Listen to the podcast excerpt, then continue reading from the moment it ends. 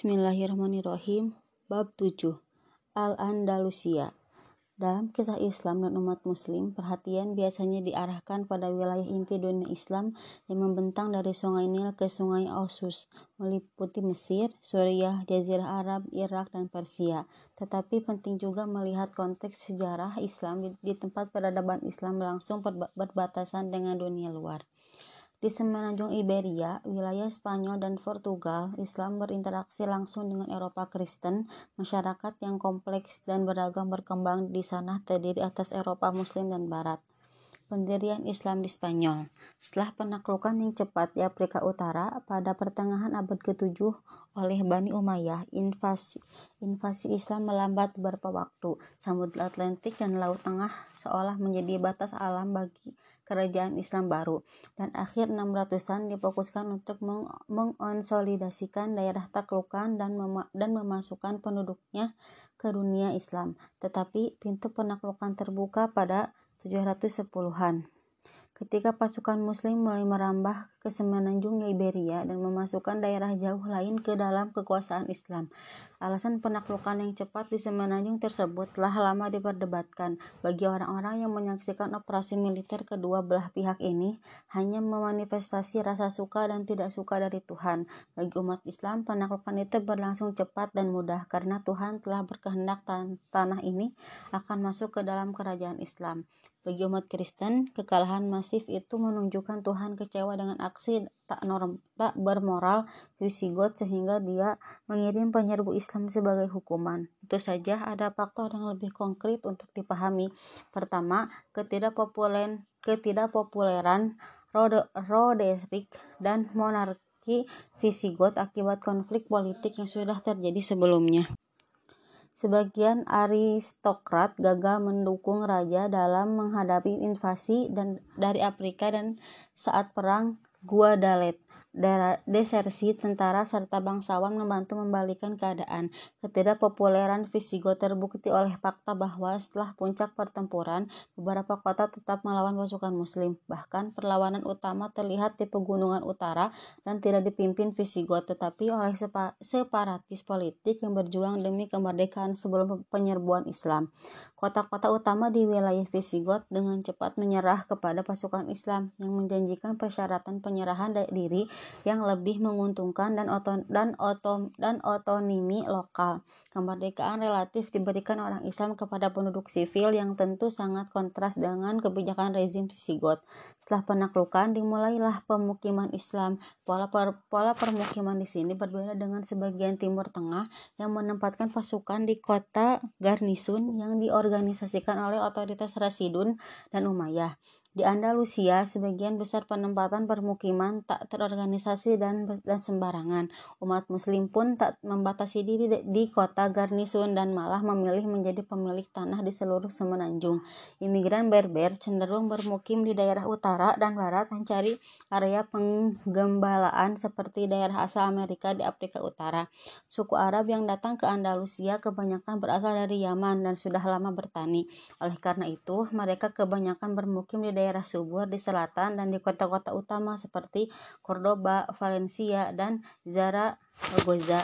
Baik suku Arab maupun Berber banyak yang menikahi penduduk lokal dan akhirnya menciptakan masyarakat unik baru yang menggabungkan aspek budaya Arab, Berber, dan Hispanik. Penguasa Umayyah dalam beberapa dekade pertama pemerintahan Islam, Andalusia tak lebih dari sekedar provinsi jauh dan sepi dari kekhalifahan Umayyah yang luas. Keadaan berubah pada 750-an saat Abbasiyah berhasil menggulingkan keluarga Umayyah. Di Suriah, sebagian besar anggota keluarga Umayyah dipenjara atau dihukum mati. Salah seorang Umayyah muda berhasil lolos dari pembunuhan. Abdul Rahman, pangeran berusia 20 tahun, melarikan diri dari Damaskus pada 750 Masehi persis di depan hidung pasukan Abbasiyah.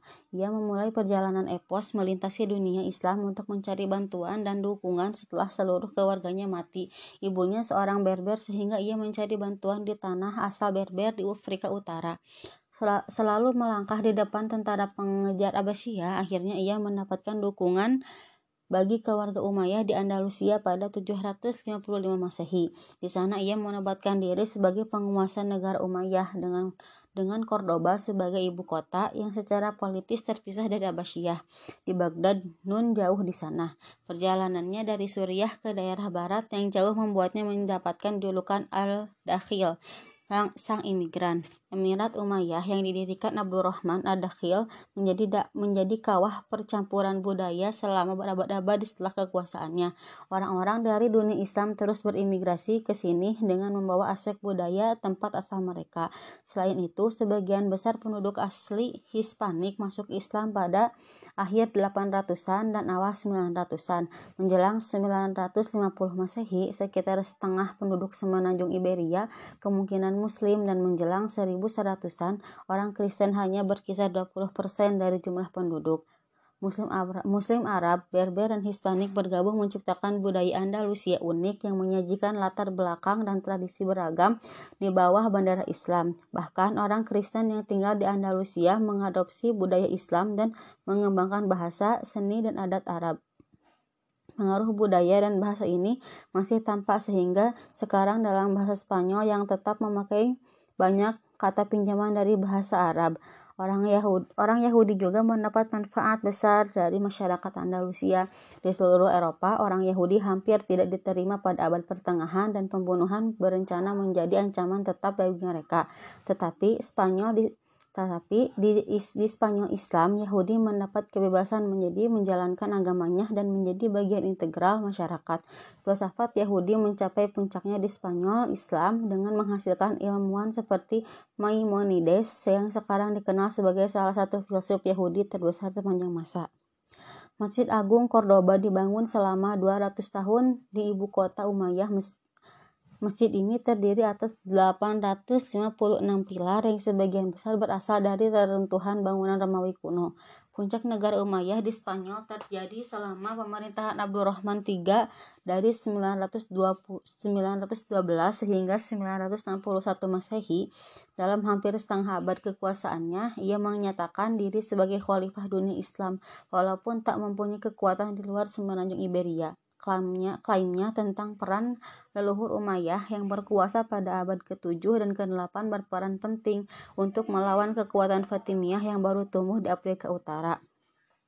Khalifah Abbasiyah di Baghdad ibarat menjadi tahanan yang kehilangan pengaruh di istananya sendiri di bawah di bawah perintah berbagai dinasti Turki, sedangkan Syiah Fatimiyah menjelma ancaman nyata bagi keberlanjutan eksistensi Sunni Islam sebagai kekuatan politik.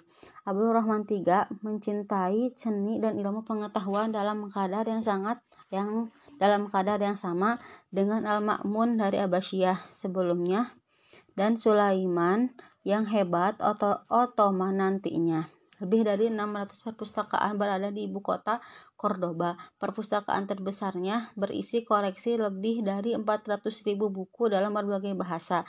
Ada sangat banyak toko di kota menghasilkan barang-barang yang berharga di seluruh Eropa. Kulit, surta, sutra, kertas wol, kristal. Semuanya diproduksi di Cordoba dan diperdagangkan ke seluruh Eropa dan dunia Islam. Cordoba menjadi kota kelas dunia yang berperan sebagai jembatan antara Eropa yang terbelakang dan kebanyakan buta huruf dengan kota-kota kebudayaannya tinggi di dunia Islam. Jika ingin menjadi terpelajar, seorang Eropa akan berpergian ke Andalusia untuk hadir di tengah-tengah para cendekiawan dan perpustakaan. Bahkan pemimpin gereja Katolik abad ke-10, Paus Sylvester II, belajar di Andalusia semasa muda dan terpikat dengan prestasi ilmiah peradaban Islam. Abad berikutnya, saat universitas pertama dibuka di Italia, Prancis, dan Inggris. Sebagian besar perpustakaannya berisi buku terjemahan karya-karya di perpustakaan Cordoba dalam bahasa Latin. Spanyol Islam adalah jalan raya utama tempat mengalirnya pengetahuan dunia Islam ke Eropa yang membantu mencetuskan Renaissance pada 1400-an. Kehebatan Cordoba tak sebatas soal ilmu pengetahuan. Abdurrahman dan penguasa Andalusia terdahulu menekankan kekuasaan serta kesejahteraan melalui masjid selain istana yang luas dan indah. Contoh terbaik Masjid Agung Cordoba, awalnya masjid, masjid ini dibangun Abdurrahman al-Dakhil, kemudian diperluas berkali-kali pada 800-an dan 900-an, sehingga akhirnya menjadi bangunan luas yang mampu menampung ribuan jemaah. Pilar-pilar yang menjadi cirinya menyangga dua, dua tingkat lengkungan yang terbuat dari batu merah dan putih, menjadikannya keajaiban arsitektur yang, yang hanya dapat disaingi Hagia Sophia di Konstantinopel. Tak seperti lukisan dan patung di gereja Kristen, desain kaligrafi dan bentuk geometris menjadi corak utama impresi artistik di seluruh gedung. Ayat-ayat Al-Quran tertulis dalam huruf kufi kaligrafi Arab menutupi dinding masjid menunjukkan keyakinan Islam bahwa Quran adalah bentuk tertinggi ekspresi sastra sehingga pan pantas berada di masjid terindah. Prestasi ars arsitektural juga dicapai di wilayah sekuler saat Abdurrahman III membangun kota istana raksasa di luar Cordoba, Madinat al-Zahro atau kota yang indah. Inilah Versailles pada masanya memikat para pengunjung dari tempat yang jauh dengan misi diplomatik ke ibu kota Andalusia. Semua ini membuat Cordoba mendapat julukan dari seluruh Eropa sebagai perhiasan dunia. Kan tetapi sayangnya bagi penduduk Andalusia, keindahan dan penekanan pada pengetahuan memberikan beberapa konsekuensi negatif. Semangat perang awal yang tampak dalam penaklukan cepat di semenanjung ini dan invasi ke wilayah Frank mulai surut setelah penduduk kota mulai hidup nyaman. Penguasa Cordoba kesulitan mengumpulkan para pria dari kota dan desa untuk bergabung dengan pasukan pemerintah memerangi kerajaan Kristen di utara. Penduduk Andalusia merang senang, terlena, dan tak ingin meninggalkan kenyamanan hidup untuk mempertahankan Spanyol Islam. Ke kelusuan penduduk merambat hingga tingkat pemerintahan. Menjelang awal abad ke-11, perebutan kekuasaan di antara keluarga Umayyah dan penaklukannya umum terjadi. Bukunya fokus menghadapi musuh dari luar, para elit mengarahkan usahanya untuk melenyapkan faksi saingan dalam Cordoba. Kelompok-kelompok yang berebut kekuasaan terlalu bernafsu mendaftar pasukan Kristen dari utara dan dan berber dari Afrika untuk mendukung maksud mereka. Pada 1009, Sulaiman II menggulingkan anggota Bani Umayyah yang lain dengan pasukan yang hampir semuanya berasal dari Kas Kastilian dan Berber. Ia menyerbu Cordoba dan menyatakan diri sebagai khalifah. Hal ini menimbulkan serangan balas dendam, lalu penyerangan kembali pada tahun berikutnya. Masyarakat yang toleran dan stabil pada abad ke-10 segera tenggelam dalam lumpur perebutan kekuasaan dan perang sipil.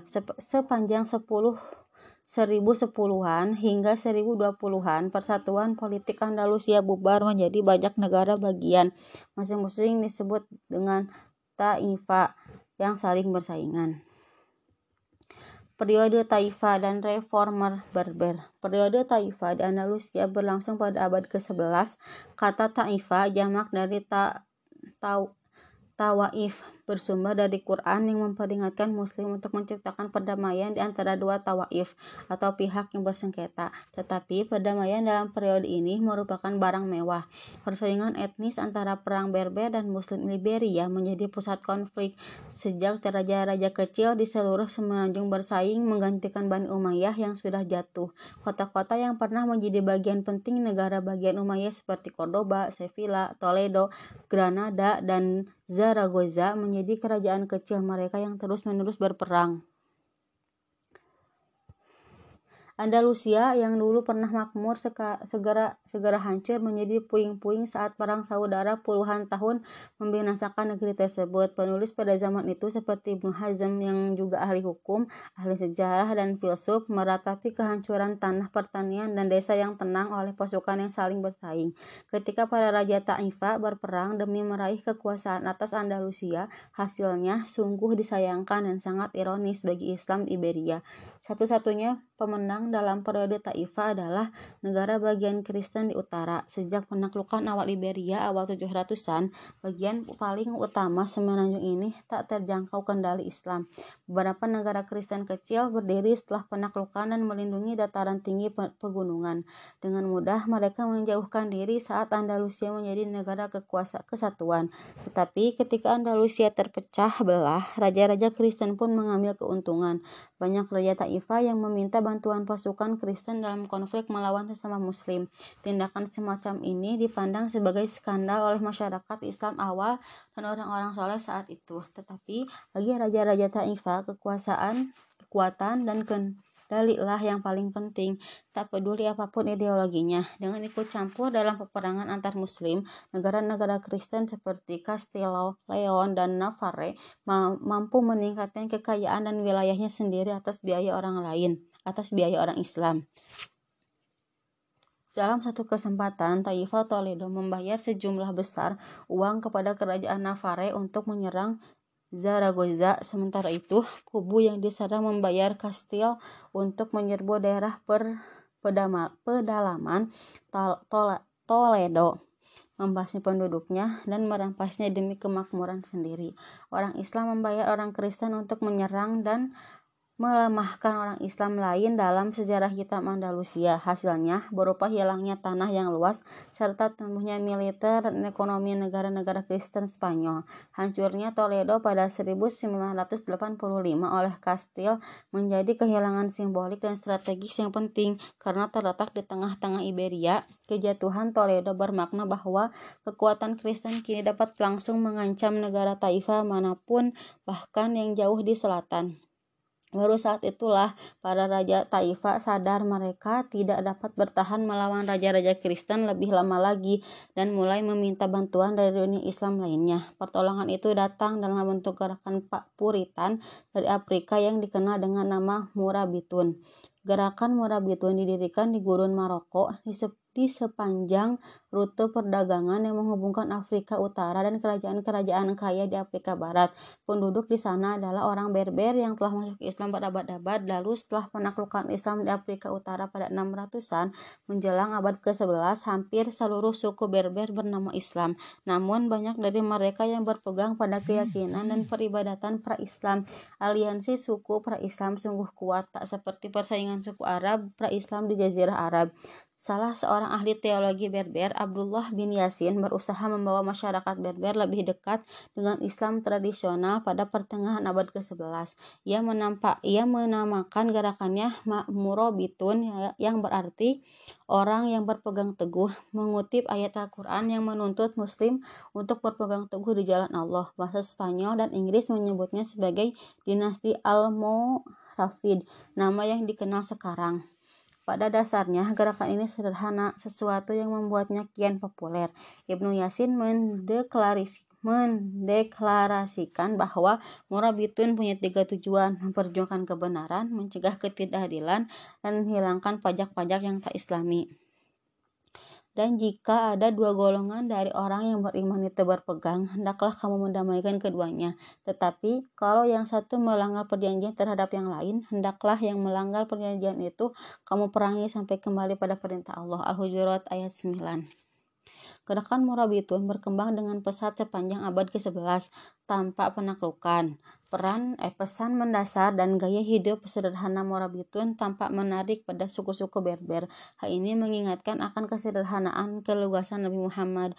Sama seperti banyak orang Arab menerima Islam dengan sekularisasi dengan sukarela pada abad ke-7. Sebagian besar suku Berber bergabung dalam persekutuan Murabitun tanpa paksaan. Menjelang 1180-an, Gerakan ini meluas dari Afrika Utara ke daerah kaya, Gona di Afrika Barat. Pertumbuhannya yang cepat dari gurun Sahara memperlihatkan perbedaan yang mendasar dari Islam Spanyol. Saat peradaban Islam mapan sudah ada di Andalusia selama ratusan tahun, gerakan Morabitun menjauh dari kekayaan dan kemewahan kehidupan kota. Para, para pejuang Berber tangguh dan siap bertempur inilah sifat yang diperhatikan oleh raja-raja Taifa kecil di Andalusia. Saat rekoi, saat rekon Kuista, Kristen mengancam eksistensi Spanyol Islam. Para Raja Taifa memohon bantuan kepada Morabitun di bawah pimpinan Alfonso VI dari Kastil pada akhir seribuan. Reconquista mencapai benteng kota Sevilla, sebuah kota sebuah pusat politik utama Islam di Spanyol. Maka Raja Sevilla bersama para pemimpin Islam yang saling bertengkar di Iberia mengirim pesan kepada Morabitun atas nama Persatuan Islam untuk melawan Kristen sebagai musuh bersama.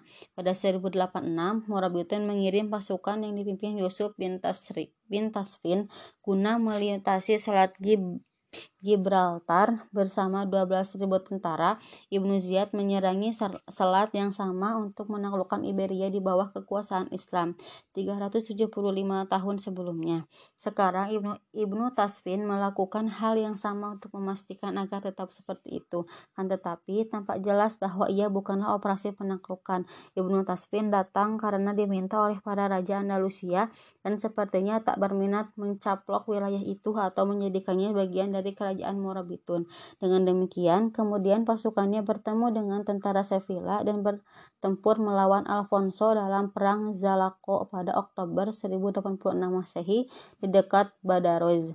Hasilnya, kemenangan yang meyakinkan atas pasukan Kastilia, Alfonso dipaksa mundur di tanah Islam dan sejak itu dunia Islam yang masih tersisa tetap aman.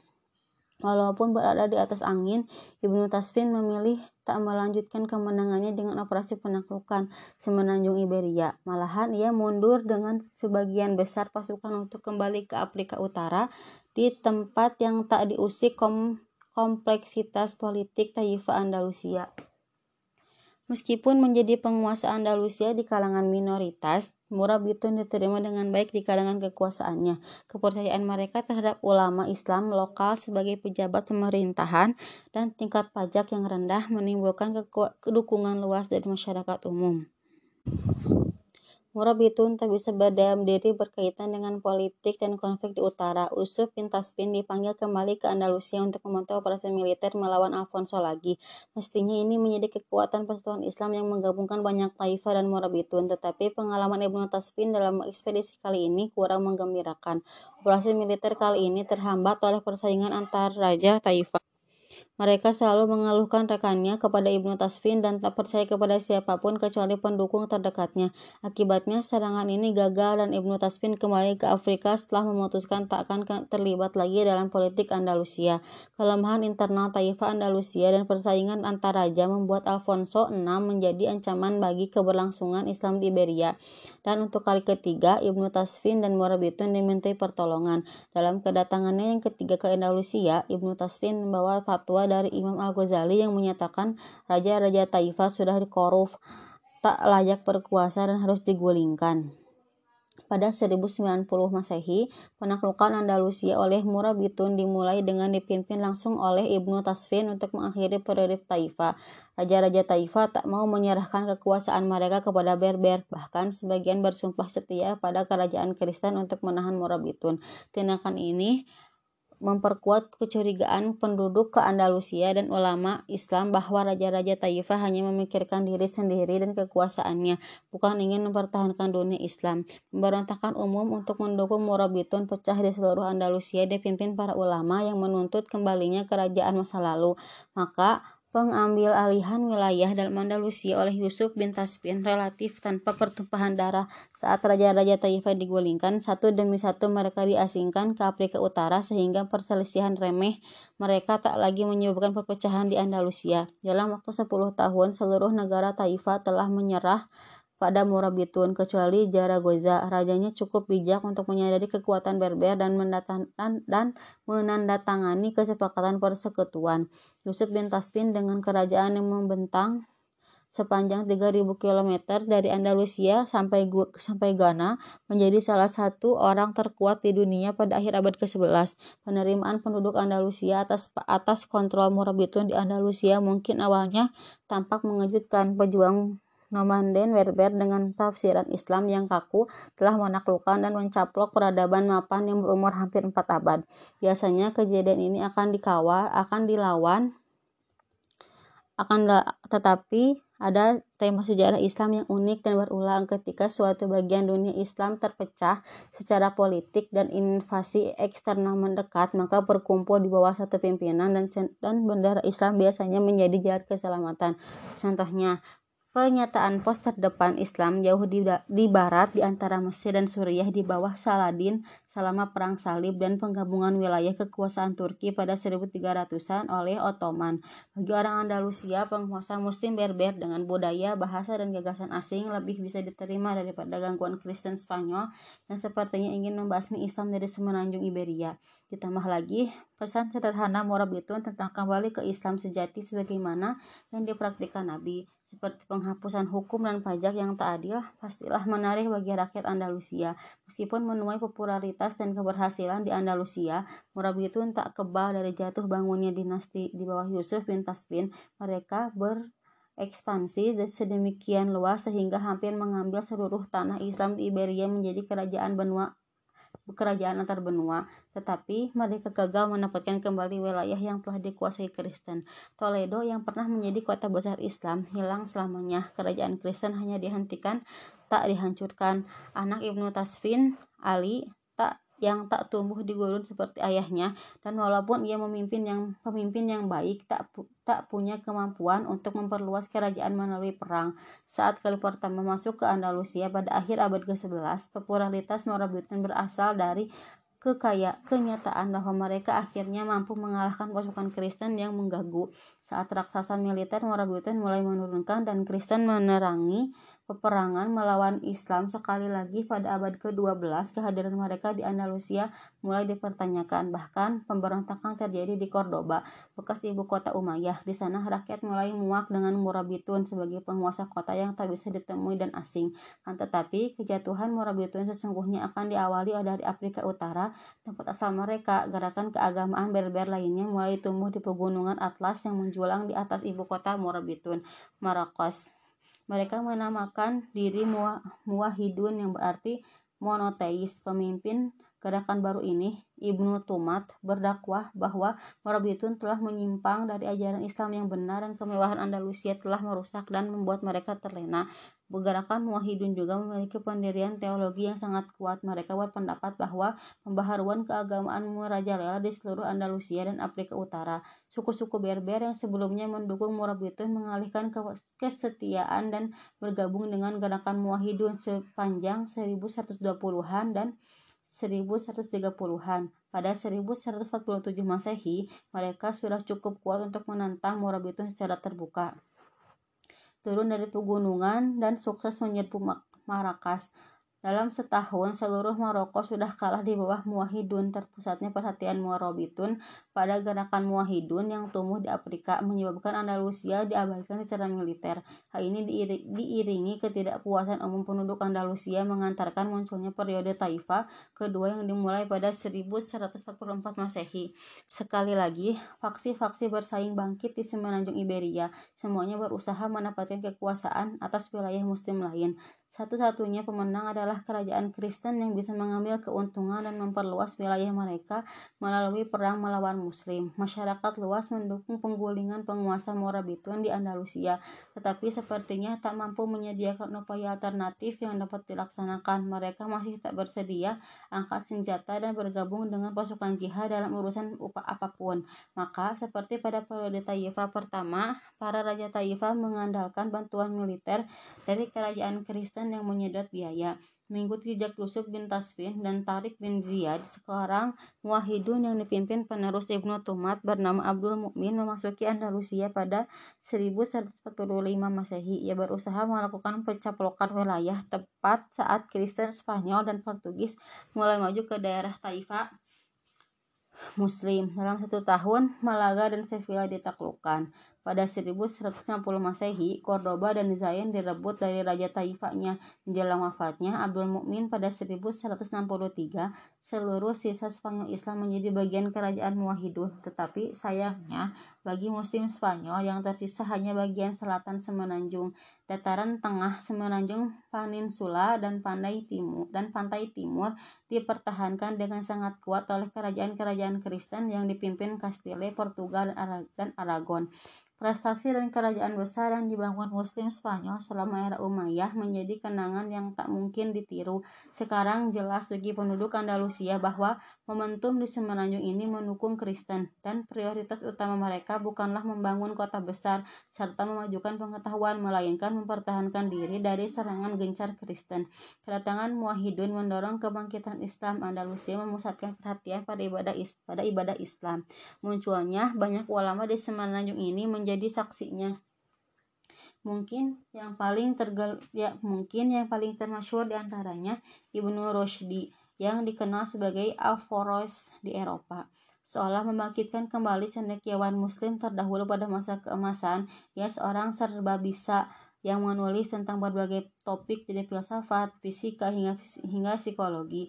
Sumbangannya yang paling langgeng di bidang fikih. Walaupun mengikuti mazhab fikih Maliki, ia mengarang ensiklopedia perbandingan fikih berjudul Bidayat al-Mujtahid wa al-Nihayat al-Muqtasid. Berabad kemudian, buku ini tetap menjadi salah satu buku fikih utama yang memerinci perbedaan pendapat dari banyak mazhab dalam Islam. Mistikus Ibnu, Ibnu Arabi dan Abu Al-Hasan Asidili juga muncul selama dinasti Muwahhidun. Mereka berusaha menginspirasi muslim secara spiritual untuk memperbaiki hubungan dengan Tuhan. Tak diragukan lagi, ini merupakan reaksi atas iklim politik yang suram di Andalusia dan Afrika Utara. Muwahhidun sebagian besar mengikuti pola yang sama dengan Murabitun. Keduanya muncul dari lingkungan gurun yang keras di Maroko. Mereka berusaha memperbaiki hal-hal yang dipandang sebagai penyakit sosial dan kelemahan politik di, di wilayah itu. Keduanya menahan rekonquista Kristen Iberia dan keduanya melemah saat generasi penerus kehilangan semangat dan dorongan yang dikembangkan nenek moyangnya di gurun Afrika Utara. Di Andalusia, Muwahhidun mengalami kemunduran saat konflik keluarga berebut kekuasaan mengemuka akhir abad ke-12 menjadi saksi timbulnya perang saudara di Andalusia, digabung dengan majunya kerajaan Kristen. Tetapi kali ini tak ada gerakan keagamaan Berber yang baru untuk menggantikan tempat mereka. Granada, seperti yang telah dilakukan selama ratusan tahun, Kristen Spanyol mengambil keuntungan dari kelemahan dan perpecahan Islam. Paus Innocent II bahkan menyerukan perang salib pun Eropa untuk menyerang Muwahhidun pada 1212 para kesatria Spanyol, Portugis, Perancis, dan Inggris berkumpul di dekat rangkaian pegunungan Sierra Morena yang menjadi batas antara kekuasaan Islam dan Kristen di Iberia.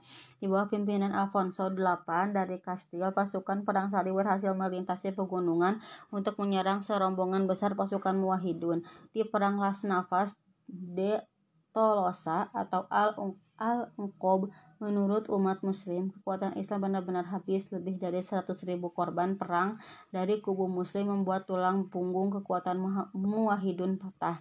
Alasan kekuasa ke atas alasan kekalahan peperangan itu tak sepenting akibat bencana tersebut tak berdaya menahan Kristen satu demi satu kota Islam mulai jatuh antara 1228 dan 1248 Valencia, Sevilla, Badajoz, Maz Majorca, Murcia, Janaine, dan kota-kota lainnya runtuh dalam serangan gencar Kristen.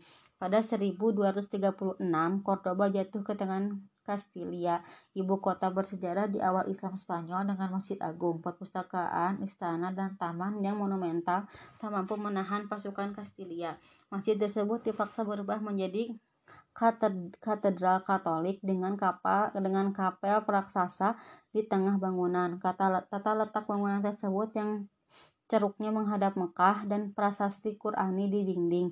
Semuanya tetap ada mengelilingi kapel Kristen dan ironisnya menjadi saksi sejarah sebagian tempat per, peribadatan Islam.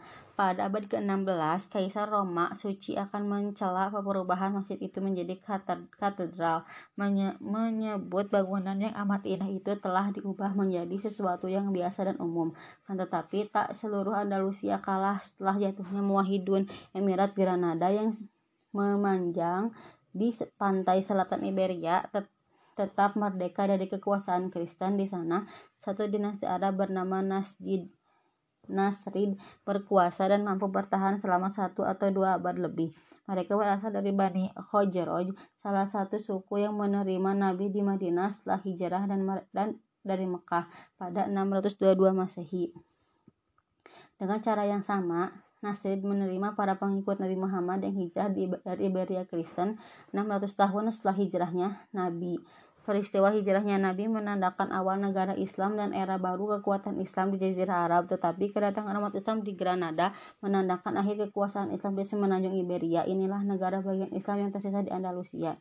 Kan tetapi, Nasrid di Granada tak pernah benar-benar independen, mereka hanya bisa lolos dari pencaplokan dengan membayar upeti ke Kastilia. Setelah jatuhnya Muwahidun, para politik kotor Taifa yang menghadap-hadap yang, menghadap, yang menghadap-hadapkan negara Islam satu sama lain untuk mempertahankan diri pun muncul kembali dengan perpecahan seperti itu karena kegunaannya di mata Kastilia. Granada bisa lolos dari dari pencaplokan. Granada menjanjikan pada Kastilia bantuan militer dan upeti emas yang berasal dari tambang kaya di Mali, Afrika Barat. Bahkan, Nasir membantu beberapa penaklukan Kristen atas kota-kota Andalusia Latin pada pertengahan abad ke-13. Selain itu, orang luar mendominasi ekonomi Granada, misalnya pedagang dari kota negara Italia yang sedang naik da, yang sedang naik dan mengontrol ekspor ke, ke Eropa. Perdagangan dunia arah dengan dunia Islam lainnya hampir tak ada. Hanya Kristen Eropa yang mendapatkan manfaat dari sumber daya Granada. Yang bertahan mengering. Sistem semacam ini jelas-jelas tak akan bertahan lama, meskipun dalam posisi bertahan di pinggir selatan Iberia pada akhir kemunduran yang panjang dan menggemparkan tradisi Islam dalam dalam arsitektur yang indah serta megah berhasil mendirikan monumen terakhir bagi Islam Spanyol. Alhambra menjadi benteng pertahanan yang terletak di atas karang dengan dengan pemandangan ke kota Granada. Benteng ini berfungsi selama ratusan tahun sebelum kebangkitan Nasrid. Para emir Granada memilih mengembangkan dan memperindah benteng tersebut sebagai istana dan seiring gelombang kedatangan muslim dari seluruh Andalusia, istana tersebut menjadi contoh sempurna tentang seluruh sejarah artistik artistik Islam Spanyol, lengkung kapal kuda Umayyah, serta pola geometris Murabitun dan Muahidun yang terkenal, dilengkapi inovasi Granada dan arsitektur Kristen baru, berpadu menciptakan bagian puncak yang unik, taman air, mancur, dan serambik bertiang menciptakan lingkungan yang mengingatkan pada kota-kota Andalusia yang telah jauh seperti Cordoba dan Sevilla. Tetapi Alhambra lebih dari sekedar replika no, monumen sebelumnya. Istana ini juga menciptakan gaya yang sepenuhnya baru yang kemudian ditiru Eropa dan dunia Barat. Alcazar dari Sevilla yang dibangun sebagai istana kerajaan oleh Castilla tak lama setelah Alhambra meniru mentah-mentah gaya istana Nasrid tersebut termasuk meniru termasuk taman, halaman dalam, dan lingkungannya. Sekolah dan, dan masjid di Afrika dan di seluruh Afrika Utara juga mendapatkan inspirasi dari Alhambra menjadikannya warisan arsitektural selama berabad-abad. Mungkin ciri Alhambra yang paling mengejutkan adalah semboyan Emirat Granada yang diplester di seluruh dinding wala ilallah yang berarti tiada pemenang selain Allah. Ini semboyan yang pas bagi seluruh negara bagian yang menampilkan sisa-sisa peradaban Islam di Andalusia. Bahkan saat musuh mengepung Granada yang rentan, semboyan tersebut mengingatkan bahwa keimanan mereka kepada Tuhan yang Maha Kuasa tak dapat dikalahkan meskipun terjadi kemunduran politik di semenanjung itu. Mungkin yang paling ironis adalah kekenyataan bahwa slogan tersebut tetap terpasang di dinding bahkan setelah Raja Kristen yang menang mendiaminya pada 1492 Masehi. Saat Granada menyongsong ujung masa keemasan Andalusia, lingkungan politik di sekitar terus melemahkannya sehingga membawanya pada kehancuran. Ancaman Kastilia pada Nasir di utara tetap menjadi masalah upeti tahunan hanya memperkuat negara Kristen dan melemahkan Granada. Sementara itu, dinasti Marinid Berber yang menguasai Afrika Utara juga muncul sebagai ancaman sehingga Granada dikelilingi negara-negara yang memusuhinya. Toh di tengah lingkungan yang tak mendukung, Granada bisa bertahan menghadapi kemajuan Kristen. Granada dapat bertahan dengan sangat kuat karena dilindungi rangkaian pegunungan dan banyak benteng per, per, bertebaran di wilayahnya. Emirat Granada pun mampu lolos dari penaklukan yang telah menjatuhkan Andalusia. Tetapi bukan invasi eksternal yang membawa akhir bagi Islam Spanyol melainkan perselisihan internal 1480-an adalah tahun intrik istana dan konflik keluarga. Emir Granada Abul Hasan digulingkan dan diasingkan oleh anaknya sendiri Abu Abdullah Muhammad 12 pada 1482 Muhammad 12 yang dikenal dengan Boabdil oleh orang Spanyol dinyatakan sebagai pemberontak terhadap Tuhan oleh golongan ulama Granada dan sungguh tindakan itu menyebabkan semakin turunnya politik Islam di Iberia. Saat dia mengumpulkan pasukan untuk melawan ayahnya, Castilla tidak menyurutkan tekanan terhadap Granada perpecahan Islam ditambah artile, art artileri canggih di tangan Kristen membuat perebutan benteng-benteng strategis di seluruh wilayah Granada berlangsung cepat. Hanya beberapa dekade setelah Ottoman menggunakan meriam untuk menaklukkan Konstantinopel pada 1453 dan memasukkan Islam ke Eropa Timur. Pasukan Kristen menggunakan teknologi yang sama untuk menghapuskannya dari Eropa Barat. Sepanjang sejarah Andalusia, ketika ingin berpihak pada Kristen, Muslim Afrika Barat akan datang menyelamatkan saudara seiman. Tetapi akhir abad ke-16 hal ini Hal itu tak terjadi. Kerusuhan sipil di Afrika Utara menyebabkan penguasanya sibuk dengan masalah sendiri dan usaha diplomatik Kastilia secara efektif telah mencegahnya terlibat dalam urusan Granada. Dinasti Mamluk di Mesir sudah dimintai pertolongan oleh Granada, tetapi hanya bisa menawarkan bantuan simbolis. Granada harus mencari cara untuk menahan Kristen sembari menangani perang saudara di antara mereka. Akhirnya, tugas sepenting seperti itu terbukti mustahil kepemimpinan Muhammad XII hanya menambah kesengsaraan Granada, Castilla menangkapnya pada 1486. Selama dia ditahan, sang ayah mengambil kembali mahkotanya. Setelah setahun menjalani penahanan, Muhammad XII dilepaskan dengan bersumpah setia pada kerajaan Kristen permodalkan senjata dan pasukan yang dipasok Castilla sekali lagi ia mampu menjadi emir Granada. Ini menimbulkan perang saudara kembali. Kali ini ia menghadapi pamannya. Ia berjanji tak terlibat dalam perang antara Castilla dan pamannya ketika sebagian besar emirat Granada ditaklukkan Kristen. Menjelang 1490-an, Masehi, Granada satu-satunya kota tersisa yang masih diperita oleh muslim di semenanjung Granada. Raja Katolik terkenal, Ferdinand dan Isabella menyatukan Kristilia dan Aragon serta menyiapkan jalan bagi Spanyol modern. Mereka tak berniat membiarkan Granada bertahan sebagai kota Islam merdeka di tengah-tengah persatuan Spanyol Kristen meskipun sudah dibantu Muhammad XII pada 1490 dan 1491 menjelang kejatuhan Granada secara perlahan Spanyol mendekati kota yang sendirian ini. Bahan-bahan pokok dihalangi masuk, mengungsi banjiri kota dan para putus asa menyelimuti penduduk. Pesendirian dan tak adanya bantuan yang datang dari Muslim Afrika Selatan, mustahil Granada bertahan melawan Spanyol yang jauh lebih banyak dan lebih kuat teknologinya.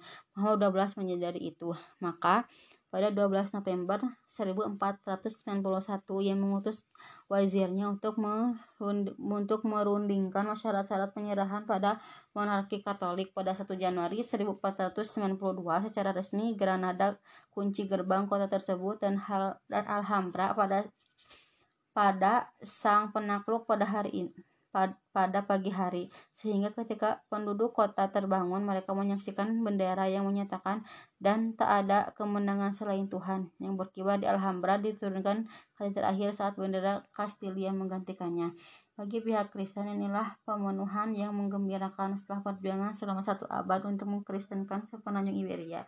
Bagi penduduk muslim inilah akhir negara yang paling tercerahkan, makmur, dan kuat yang pernah ada di dunia. Bagi Sang emir yang ditaklukkan yang ketidakmampuan politiknya langsung membuat hilangnya potongan Andalusia terakhir, persaingan telah menunggu. Legenda menceritakan saat dia keluar dari kota, ia menengok ke belakang untuk kali terakhir dan mulai menangis. Ibunya mencela mengucapkan kalimat yang terkenal, jangan menangis seperti perempuan.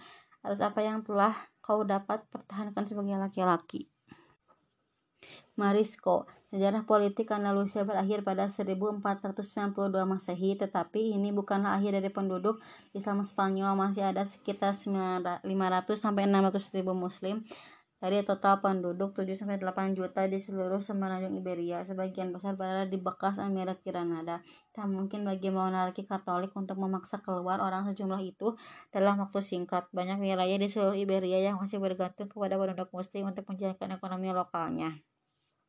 Pada 1492 Masehi, pemerintah Spanyol mengusir seluruh orang Yahudi di tanahnya. Sultan Bayezid II dari Ottoman memerintahkan agar militer dan dan gubernurnya menerima pengungsi Yahudi dari Spanyol. Sejumlah besar komunitas Yahudi keturunan pengungsi Yahudi Spanyol tetap bertahan di Istanbul hingga abad ke-20. ke-20. Selain itu, Spanyol tak punya cukup warga untuk untuk mengisi kota yang dikosongkan. Malahan awalnya Ferdinand dan Isabella mengambil pendekatan yang toleran terhadap minoritas muslim. Umat muslim memang kehilangan beberapa kedudukan sosial karena sekarang penguasanya ber berbeda agama, tetapi mereka mendapat kebebasan untuk melanjutkan ibadah sesuai keyakinan di bawah monarki Spanyol. Tas berarti Kristen tidak berusaha mengajak orang Islam berpindah agama. Setiap orang Islam yang rela berpindah agama akan mendapat kucuran hadiah, emas, kuda, dan barang berharga lainnya. Ini membuat sejumlah besar orang Islam masuk Kristen pada tahun-tahun setelah 1492 Masehi. Yang mengejutkan dan mengecilkan hati pihak Kristen setelah mendapatkan hadiah, sebagian besar orang ya orang yang beralih agama akan sholat di masjid dan membaca Al-Quran lagi karena Muslim mengambil keuntungan dari insentif yang ditawarkan dan tak tulus masuk Kristen. Gereja Katolik memutuskan mengambil pendekatan yang lebih keras Francisco Jimenez de Cis Cisnore, seorang uskup, uskup agung, ditunjuk pada 1499 untuk mempercepat proses perpindahan agama dengan melecehkan muslim Spanyol, menyiksa dan menangkap secara acak, acak mereka yang tak mau berganti keyakinan. Yang menyatakan jika tak tertarik dengan jalan penyelamatan, para kafir itu harus diseret ke jalan tersebut. Hasilnya berupa pemberontakan Muslim Spanyol melawan penindasan Muslim Granada yang tak bersabar selama 8 tahun di bawah pemerintahan Kristen tak dapat menahan diri atas penindasan uskup agung baru itu. Mereka membuat barikade jalan-jalan sempit Granada dan menyatakan penentangan terhadap usaha-usaha de, Cis, de Cisneros. Pemberontakan ini memberikan alasan bagi monarki Katolik untuk menegur masyarakat Islam Spanyol. Pemberontakan Muslim diberi dua pilihan, hukuman mati atau masuk Kristen dengan ganjaran pengampunan resmi. Sebagian pilihan sebelumnya, Muslim Granada memilih masuk Kristen dan gelombang dan kalau dan gelombang besar mem pembaptisan di kota yang tadinya mayoritas Muslim pun dimulai. Pemberontakan lebih selanjut terjadi di sekeliling pinggiran kota, tetapi Spanyol lebih kuat akhirnya mampu memadamkan dalam beberapa tahun. Menjelang 1502, saat pemberontakan padam, otoritas Kristen memilih melarang Islam di seluruh Spanyol. Seluruh orang Islam diberi pilihan untuk pindah agama, keluar dari Spanyol atau mati, seperti penduduk Granada. Muslim di seluruh Spanyol pun memilih masuk Kristen. Sekarang monarki Katolik dapat menyombongkan diri telah menjadikan semua penduduk beragama Kristen dalam beberapa tahun. Tetapi, kenyataannya Islam tetap hidup di Spanyol di bawah tanah. Bekas Muslim yang disebut Marisco oleh Spanyol menyatakan bahwa masuk Islam masuk Kristen untuk menghindari hukuman yang tak kenal henti. Mereka tetap hidup sebagai muslim secara rahasia di rumahnya sendiri. Otoritas Spanyol mungkin mencurigai Morisco tak lulus masuk Kristen, maka mereka menetapkan banyak hukum sebagai bagian dari Inkuisisi Spanyol sepanjang awal 1500-an untuk membersihkan Morisco dari masa lalu Islam mereka. Menyembelih binatang berdasarkan hukum Islam menyatakan dilarang pada 1511 oleh dekrit kerajaan. Perempuan tidak boleh menutup mukanya pada 1513. Selanjutnya Morisco dilarang menggunakan pemandian umum atau menutup pintu rumah pada minggu untuk memastikan tak seorang pun menjalankan ibadah Islam secara diam-diam. Pernikahan harus dihadiri oleh orang Kristen lama untuk memastikan upacara perkawinan tidak diselenggarakan menurut hukum Islam. Pada 1526, berbicara dalam bahasa Arab tergolong perbuatan melanggar hukum dan Mariska dipaksa berbicara bahasa Kastilia termasuk termasuk ketika di rumah. Usaha memisahkan Marisko dari agama dan warisan budayanya hanya membuat mereka semakin sembunyi-sembunyi dan menyebabkan mereka lebih bersemangat memegang teguh keyakinannya. Secara keseluruhan, inkuisi gagal menghilangkan Islam dari hati ke kebanyakan orang Marisko. Malahan, cara ini memaksa mereka menjadi lebih kreatif menghindari hukum. Banyak ulama menuliskan fatwa mengizinkan umat muslim beribadah dengan cara yang tak tradisional untuk menghindari penghukuman penguasa. Sebagian contoh fatwa terkenal pada 1500 1902 oleh mufti dari Oran, seorang sekarang bernama Algeria memperbolehkan wudhu tanpa air dengan menyentuh dinding bersih, sholat pada malam hari bukannya lima kali sehari, dan makan di daging babi jika dipaksa. Perintah keagamaan secara terbatas dilakukan di rumah karena masjid dan sekolah ditutup atau diubah menjadi gereja Kristen. Kan tetapi bahasa Arab bertahan, bertahan di balik pintu yang tertutup karena orang Arab tetap mengajarkan ritual Islam dan ayat-ayat Al-Quran kepada anak-anaknya. Orang Morisco bernama Kristen akan tetap ke gereja pada minggu berdoa menurut ritual Kristen. Ketika di rumah, ia dipanggil dengan nama Muslim rahasia, membaca Al-Quran dan berdoa dengan cara Islam. Raja-raja Spanyol tak pernah mengabaikan kepercayaan rahasia Marisco bahkan 100 tahun setelah penaklukan Granada jelas terlihat monarki Spanyol dan gereja Katolik gagal mengganti agama Marisco.